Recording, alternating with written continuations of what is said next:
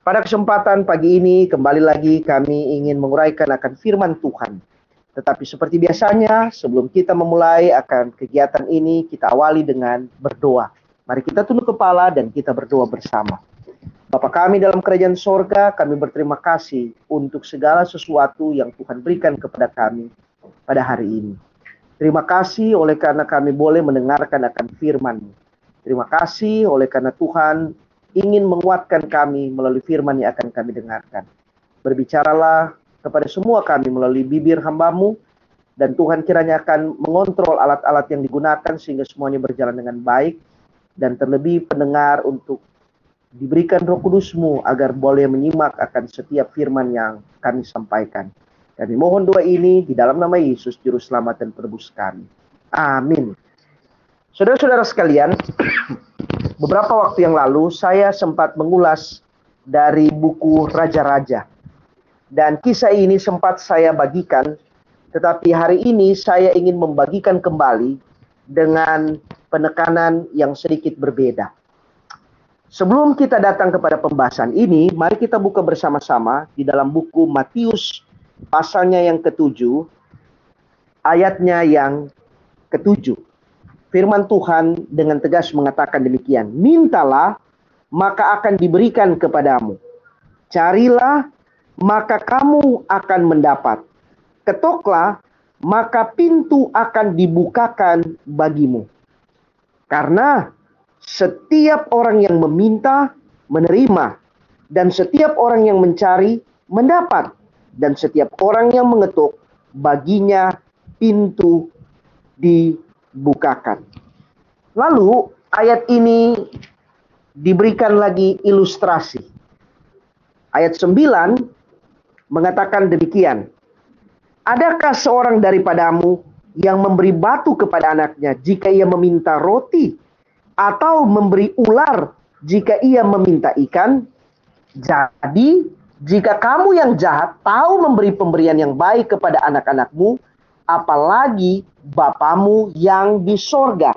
Ia akan memberikan kepada ia akan memberikan yang baik kepadamu kepada mereka yang meminta kepadanya. Nah, ayat ini hanya terdapat atau pasal ini, bagian ini hanya terdapat di dalam buku Matius dan Lukas. Kalau kemarin beberapa hari terakhir ini kita membahas dari buku Yohanes di mana banyak kisah yang hanya terdapat di dalam buku Yohanes. Kemudian buku kemarin kita membahas tentang peristiwa yang dicatat di dalam tiga Injil, tetapi tidak ditulis di dalam buku Yohanes. Nah, pada hari ini kita sedikit membahas dari penjelasan atau pasal yang menyatakan menjelaskan tentang doa yang hanya terdapat di dalam buku Matius dan buku Lukas. Baik, saya sedikit memberikan latar belakang. Saudara-saudara, membaca buku Injil perlu kita menyimak akan siapa penulis dan latar belakang dari penulis. Matius adalah seorang yang dikenal pemungut cukai atau seorang yang berhubungan dengan uang. Saudara bisa membayangkan seseorang yang hidup atau seumur hidupnya berurusan dengan uang, maka logikanya adalah selalu tentang kekurangan atau cukup atau bahkan berlebihan. Jadi segala sesuatu hanya diukur dari nilai uang. Walaupun kita tahu akhirnya bahwa Matius mengikuti Yesus. Tetapi pada dasarnya seseorang yang sangat mengerti tentang keuangan, dia sangat teliti dengan hitungan. Jadi dia tahu persis mana artinya kekurangan dan mana artinya kelebihan. Tetapi jika saudara membaca kisah ini, maka di sinilah kita akhirnya melihat seorang yang berubah paradigma. Seorang yang tadinya berpikir uang adalah segala-galanya, atau uang adalah tuan dalam hidup, orang ini akhirnya berubah setelah menemukan Yesus. Kenapa? Karena pada akhirnya dari kalimat-kalimat yang tersusun di dalam buku Matius ini menunjukkan seorang yang hanya menggantungkan harapannya kepada Tuhan dari segi finansial. Minta, maka akan diberikan. Cari, maka akan dapat. Kepada siapa yang mencari di sini? Tentunya kepada Tuhan. Lalu kemudian dia memberikan ilustrasi tentang bagaimana kebaikan ayah atau orang tua terhadap anaknya jika anaknya kekurangan. Dengan kata lain, di sinilah kita melihat seorang Matius yang setelah mengikuti Tuhan, cara berpikirnya berubah 100%. Dari yang tadinya mengandalkan diri untuk mendapatkan penghasilan atau mendapatkan sumber dana, berubah menjadi orang yang menggantungkan hidupnya sepenuhnya kepada Tuhan. Di kalimat terakhir ada kata yang penting dan ini perlu kita simak. Dia sebutkan kata-kata seperti ini. Jadi, jika kamu yang tahu memberi pemberian yang baik kepada anak-anakmu, apalagi Bapamu yang di sorga, ia akan memberikan yang baik kepada mereka yang meminta kepadanya. Jadi, objek yang dia ingin angkat di dalam penjelasan ini tentunya adalah Allah. Allah adalah sumber dari segala berkat. Nah, berdasarkan akan kisah atau penjelasan inilah, maka saya ingin kembali ke satu cerita yang terdapat di dalam buku Dua Raja-Raja pasal 4. Saya ingin memastikan saudara di rumah para pendengar untuk boleh menyimak bersama dengan saya pada saat saudara membaca Alkitab saudara. Mari kita buka bersama-sama di dalam Dua Raja-Raja pasal 4. Di dalam dua Raja-Raja pasal 4 ada yang istimewa di sana. Di pasal ini mencerita, menceritakan tentang dua orang wanita tetapi dengan latar belakang yang berbeda. Yang satu kaya, yang satu sangat berkekurangan. Yang satu punya banyak anak, yang satu tidak punya anak, tapi akhirnya punya anak. Yang satu anak-anaknya tidak mati, tapi yang satu anaknya sempat mati. Yang satu hidupnya menderita setelah kehilangan suaminya, tapi yang satu tidak pernah kehilangan suaminya, tetapi pernah kehilangan anaknya. Apa yang ingin diceritakan di dalam buku Dua Raja-Raja tentang dua nasib yang berbeda dari wanita-wanita ini adalah menggambarkan nasib kita kadang-kadang. Jadi di dunia ini, semua orang tidak memiliki keadaan yang sama. Sekalipun kita percaya kepada Tuhan, kita mempunyai keadaan yang berbeda-beda. Saya tidak bisa mengatakan bahwa hidup saya jauh lebih sukar dari saudara. Sebab kita punya keadaan yang berbeda. Atau sebaliknya, ada saudara yang mengatakan saya jauh lebih enak. Segala sesuatu relatif. Karena kita masing-masing mempunyai keunikan sendiri-sendiri. Tetapi apa yang ingin Alkitab katakan dan ajarkan adalah apa pun keadaan kita, kita harus memiliki Allah yang sama. Karena Allah itu tetap akan memberkati kita dalam keadaan apa pun. Nah sekarang, mari kita fokus dalam dua Raja-Raja pasal 4, mulai ayat yang pertama. Judulnya adalah Minyak Seorang Janda. Beberapa hari yang lalu, kita bicara tentang air yang berubah menjadi anggur. Sekarang kita bicara untuk hal yang lain. Saya baca, mulai ayat pertama. Salah seorang dari istri-istri para nabi mengadukan halnya kepada Elisa sambil berseru, "Hambamu suamiku sudah mati dan engkau ini tahu bahwa hambamu itu takut akan Tuhan." Garis bawahi kata takut akan Tuhan. Jadi wanita ini ingin memastikan kepada Elisa bahwa dia harus tahu suaminya itu bukan orang yang melakukan pelanggaran bukan orang yang tidak setia. Selama beberapa hari ini dalam beberapa penjelasan saya berdasarkan apa yang disebutkan dituliskan di dalam buku Mazmur pasal 34 disebutkan bahwa kemalangan orang benar banyak tetapi Tuhan melepaskan dia dari semuanya itu. Jadi ayat ini menunjukkan bahwa bukan berarti kita baik, kita dekat dengan Tuhan, kita setia lalu kemudian kita tidak ada persoalan. Saya harus menegaskan akan hal ini karena banyak kali orang-orang ketika menghadapi tekanan hidup ini menjadi susah dan bertanya mungkin, apakah ada yang salah saya dengan Tuhan? Dalam banyak kasus di dalam Alkitab, Ayub dan wanita ini adalah contoh bahwa tidak selamanya orang-orang yang benar itu tidak akan ada masalah. Sering tanpa kita duga masalah terjadi. Nah sekarang kita kembali kepada wanita ini. Jadi bayangkan, dia kehilangan tulang punggung keluarga, yaitu suaminya.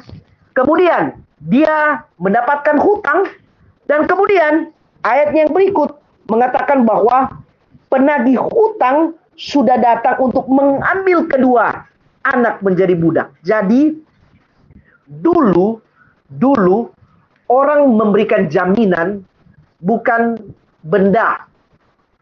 Sering orang memberikan jaminan adalah anak atau istri atau suami. Jadi orang, manusia. Hari ini kalau kita pinjam uang di bank atau di tempat pegadaian, kita jaminkan PPKB kita.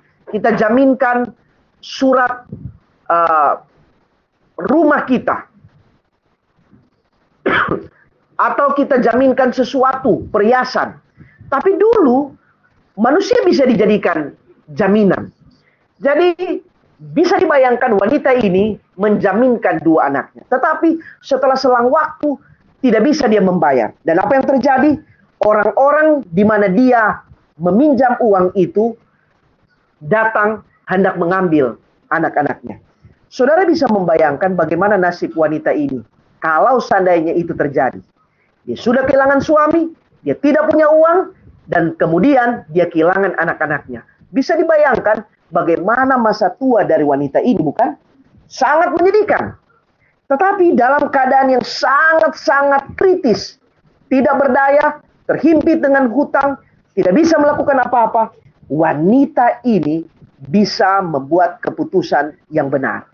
Saudara-saudara sekalian, saya selalu menyatakan akan kalimat ini. Kita semua bisa kehilangan segalanya. Tapi kita masih punya power of choice. Freedom of choice. Kuasa untuk memilih, kebebasan untuk memilih. Yaitu kita menyerah atau kita berjuang. Saya sempat membagikan seorang yang bernama Viktor Frankl seorang yang pernah ditaruh di kamp konsentrasi. Istrinya meninggal, kedua orang tuanya meninggal, saudara-saudaranya, keluarganya yang lain dan sahabat-sahabatnya meninggal di depan matanya di kamp konsentrasi. Nampaknya hidupnya suram. Tapi dari sekian juta, sejarah mencatat pada waktu Perang Dunia Kedua, ada kurang lebih 6 juta orang Yahudi yang dibantai. Dan kebanyakan mereka mati di kamp konsentrasi. Viktor Frankl adalah salah satu atau salah seorang yang bisa lolos setelah menyaksikan begitu banyak penderitaan, kesadisan, kengerian di dalam kamp-kamp konsentrasi yang dibuat oleh Nazi. Nah, apa yang dikatakan oleh Viktor Frankl? Seperti yang saya katakan tadi, manusia boleh kehilangan segala-galanya. Tidak punya harga diri, identitasnya diambil, semua hartanya diambil, tetapi dia masih mempunyai sesuatu yang tidak bisa diambil daripadanya oleh siapa pun. Apa itu? Itulah power of choice, freedom of choice, kuasa dan kebebasan untuk memilih. Dalam membuat pilihan, ya bisa memilih. Saya menyerah dengan nasib, saya tidak bisa mengatasi kesulitan ini, saya angkat tangan, atau saya tetap percaya dan saya akan berusaha sampai akhirnya saya atau persoalan saya teratasi wanita ini adalah seorang positive thinking. Betul keadaannya buruk, tapi pada saat itu dia mengambil keputusan yang tepat. Dia datang kepada Elisa yang merupakan perwakilan Tuhan dan dia sampaikan problemanya. Saudara-saudara, ini penting. Kepada siapa kita datang ketika persoalan menghimpit, itu menentukan nasib kita.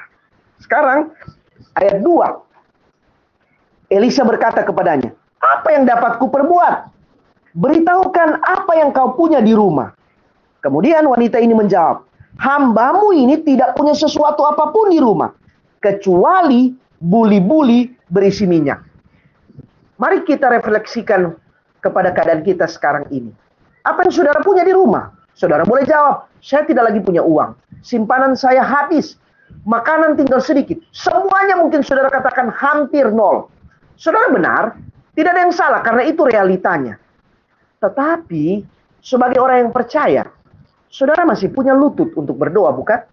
Saudara masih punya iman untuk percaya kepada Tuhan. Dan jangan lupa, yang terbesar dari semuanya, saudara memiliki Tuhan yang ajaib. Saya rasa dengan keyakinan ini, itu sangat cukup, bahkan lebih dari cukup untuk mengatasi persoalan kita. Nah sekarang kita kembali kepada kisah ini dan menyaksikan bagaimana pertolongan Tuhan itu terjadi kepada wanita ini. Jadi waktu dia katakan, saya tidak punya apa-apa kecuali buli-buli berisi minyak. Lalu berkatalah Elisa, pergilah, mintalah bejana-bejana dari luar, dari segala tetangga-tetanggamu, kemudian jangan sedikit, sebanyak mungkin. Kemudian masuk, tutup pintu, kemudian tuangkan. Jadi ada tiga hal di sini. Pertama, minta semua bejana. Kemudian setelah bijak bejana itu ada, tutup pintu. Kemudian yang ketiga, baru tuangkan minyak sedikit demi sedikit. Nah, untuk mempercayai bahwa ini solusi, ini tidak seperti saudara berhadapan dengan pegadaian, kemudian pegadaian mengatasi persoalan saudara dengan memberikan sejumlah uang setelah saudara menjaminkan barang saudara. Ini berbeda kasusnya. Tidak ada apa-apa, saudara hanya berharap satu mujizat, sesuatu ketidak sesuatu yang mustahil, sesuatu yang tidak bisa dipercaya. Tetapi saudara-saudara, di sinilah iman itu bekerja. Dan selalu saya ulang-ulang, Ibrani pasal 11 ayat 1 adalah merupakan inti atau definisi dari iman. Iman adalah dasar dari segala sesuatu yang kita harapkan dan bukti dari segala sesuatu yang kita harapkan. Yakobus mengatakan, tunjukkanlah perbuatanmu, maka aku akan menunjukkan iman.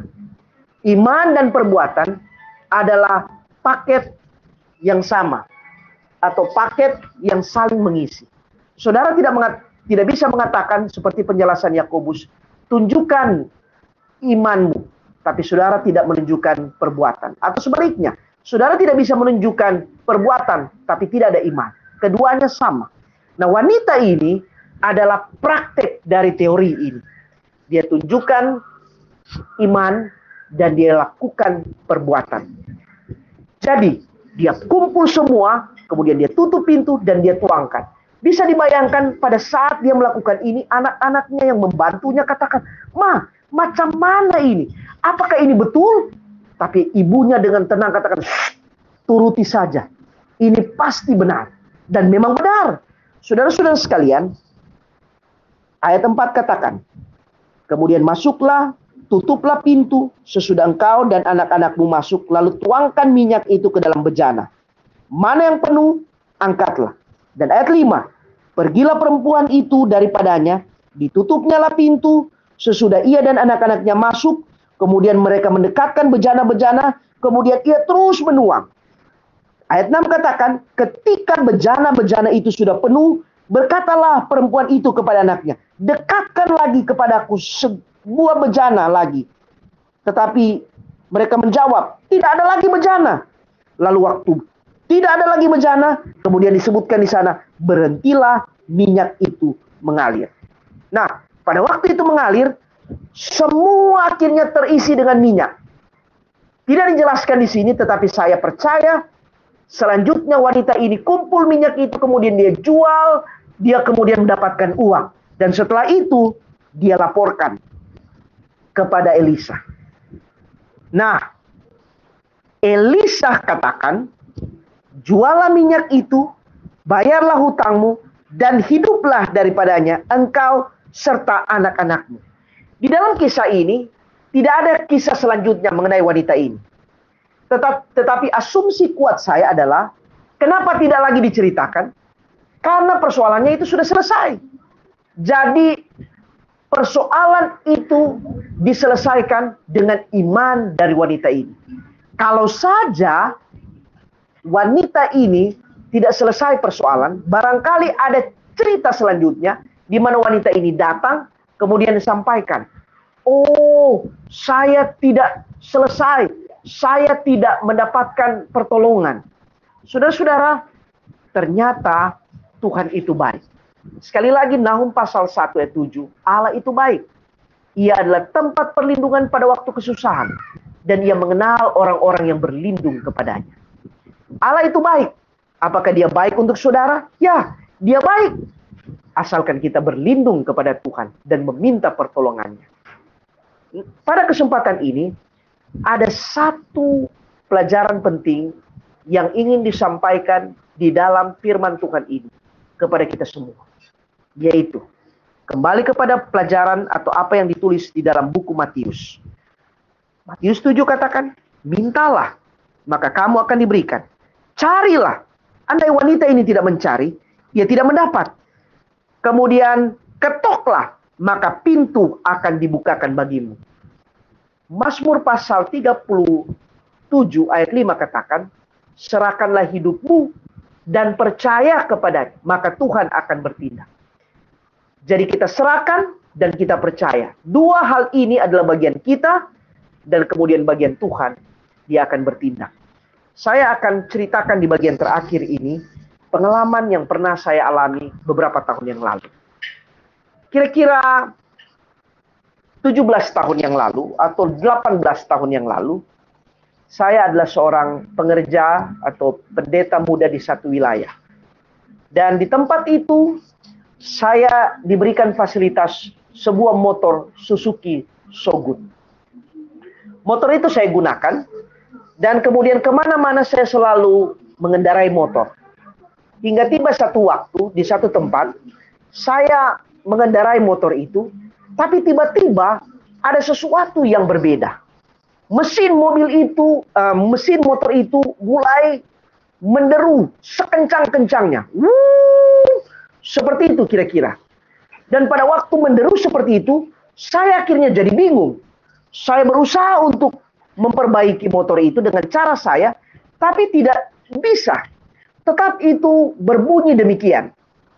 Lalu tidak tidak lama kemudian beberapa orang datang mengerumuni saya. Ada yang memperhatikan, tapi ada juga yang menawarkan untuk menolong saya.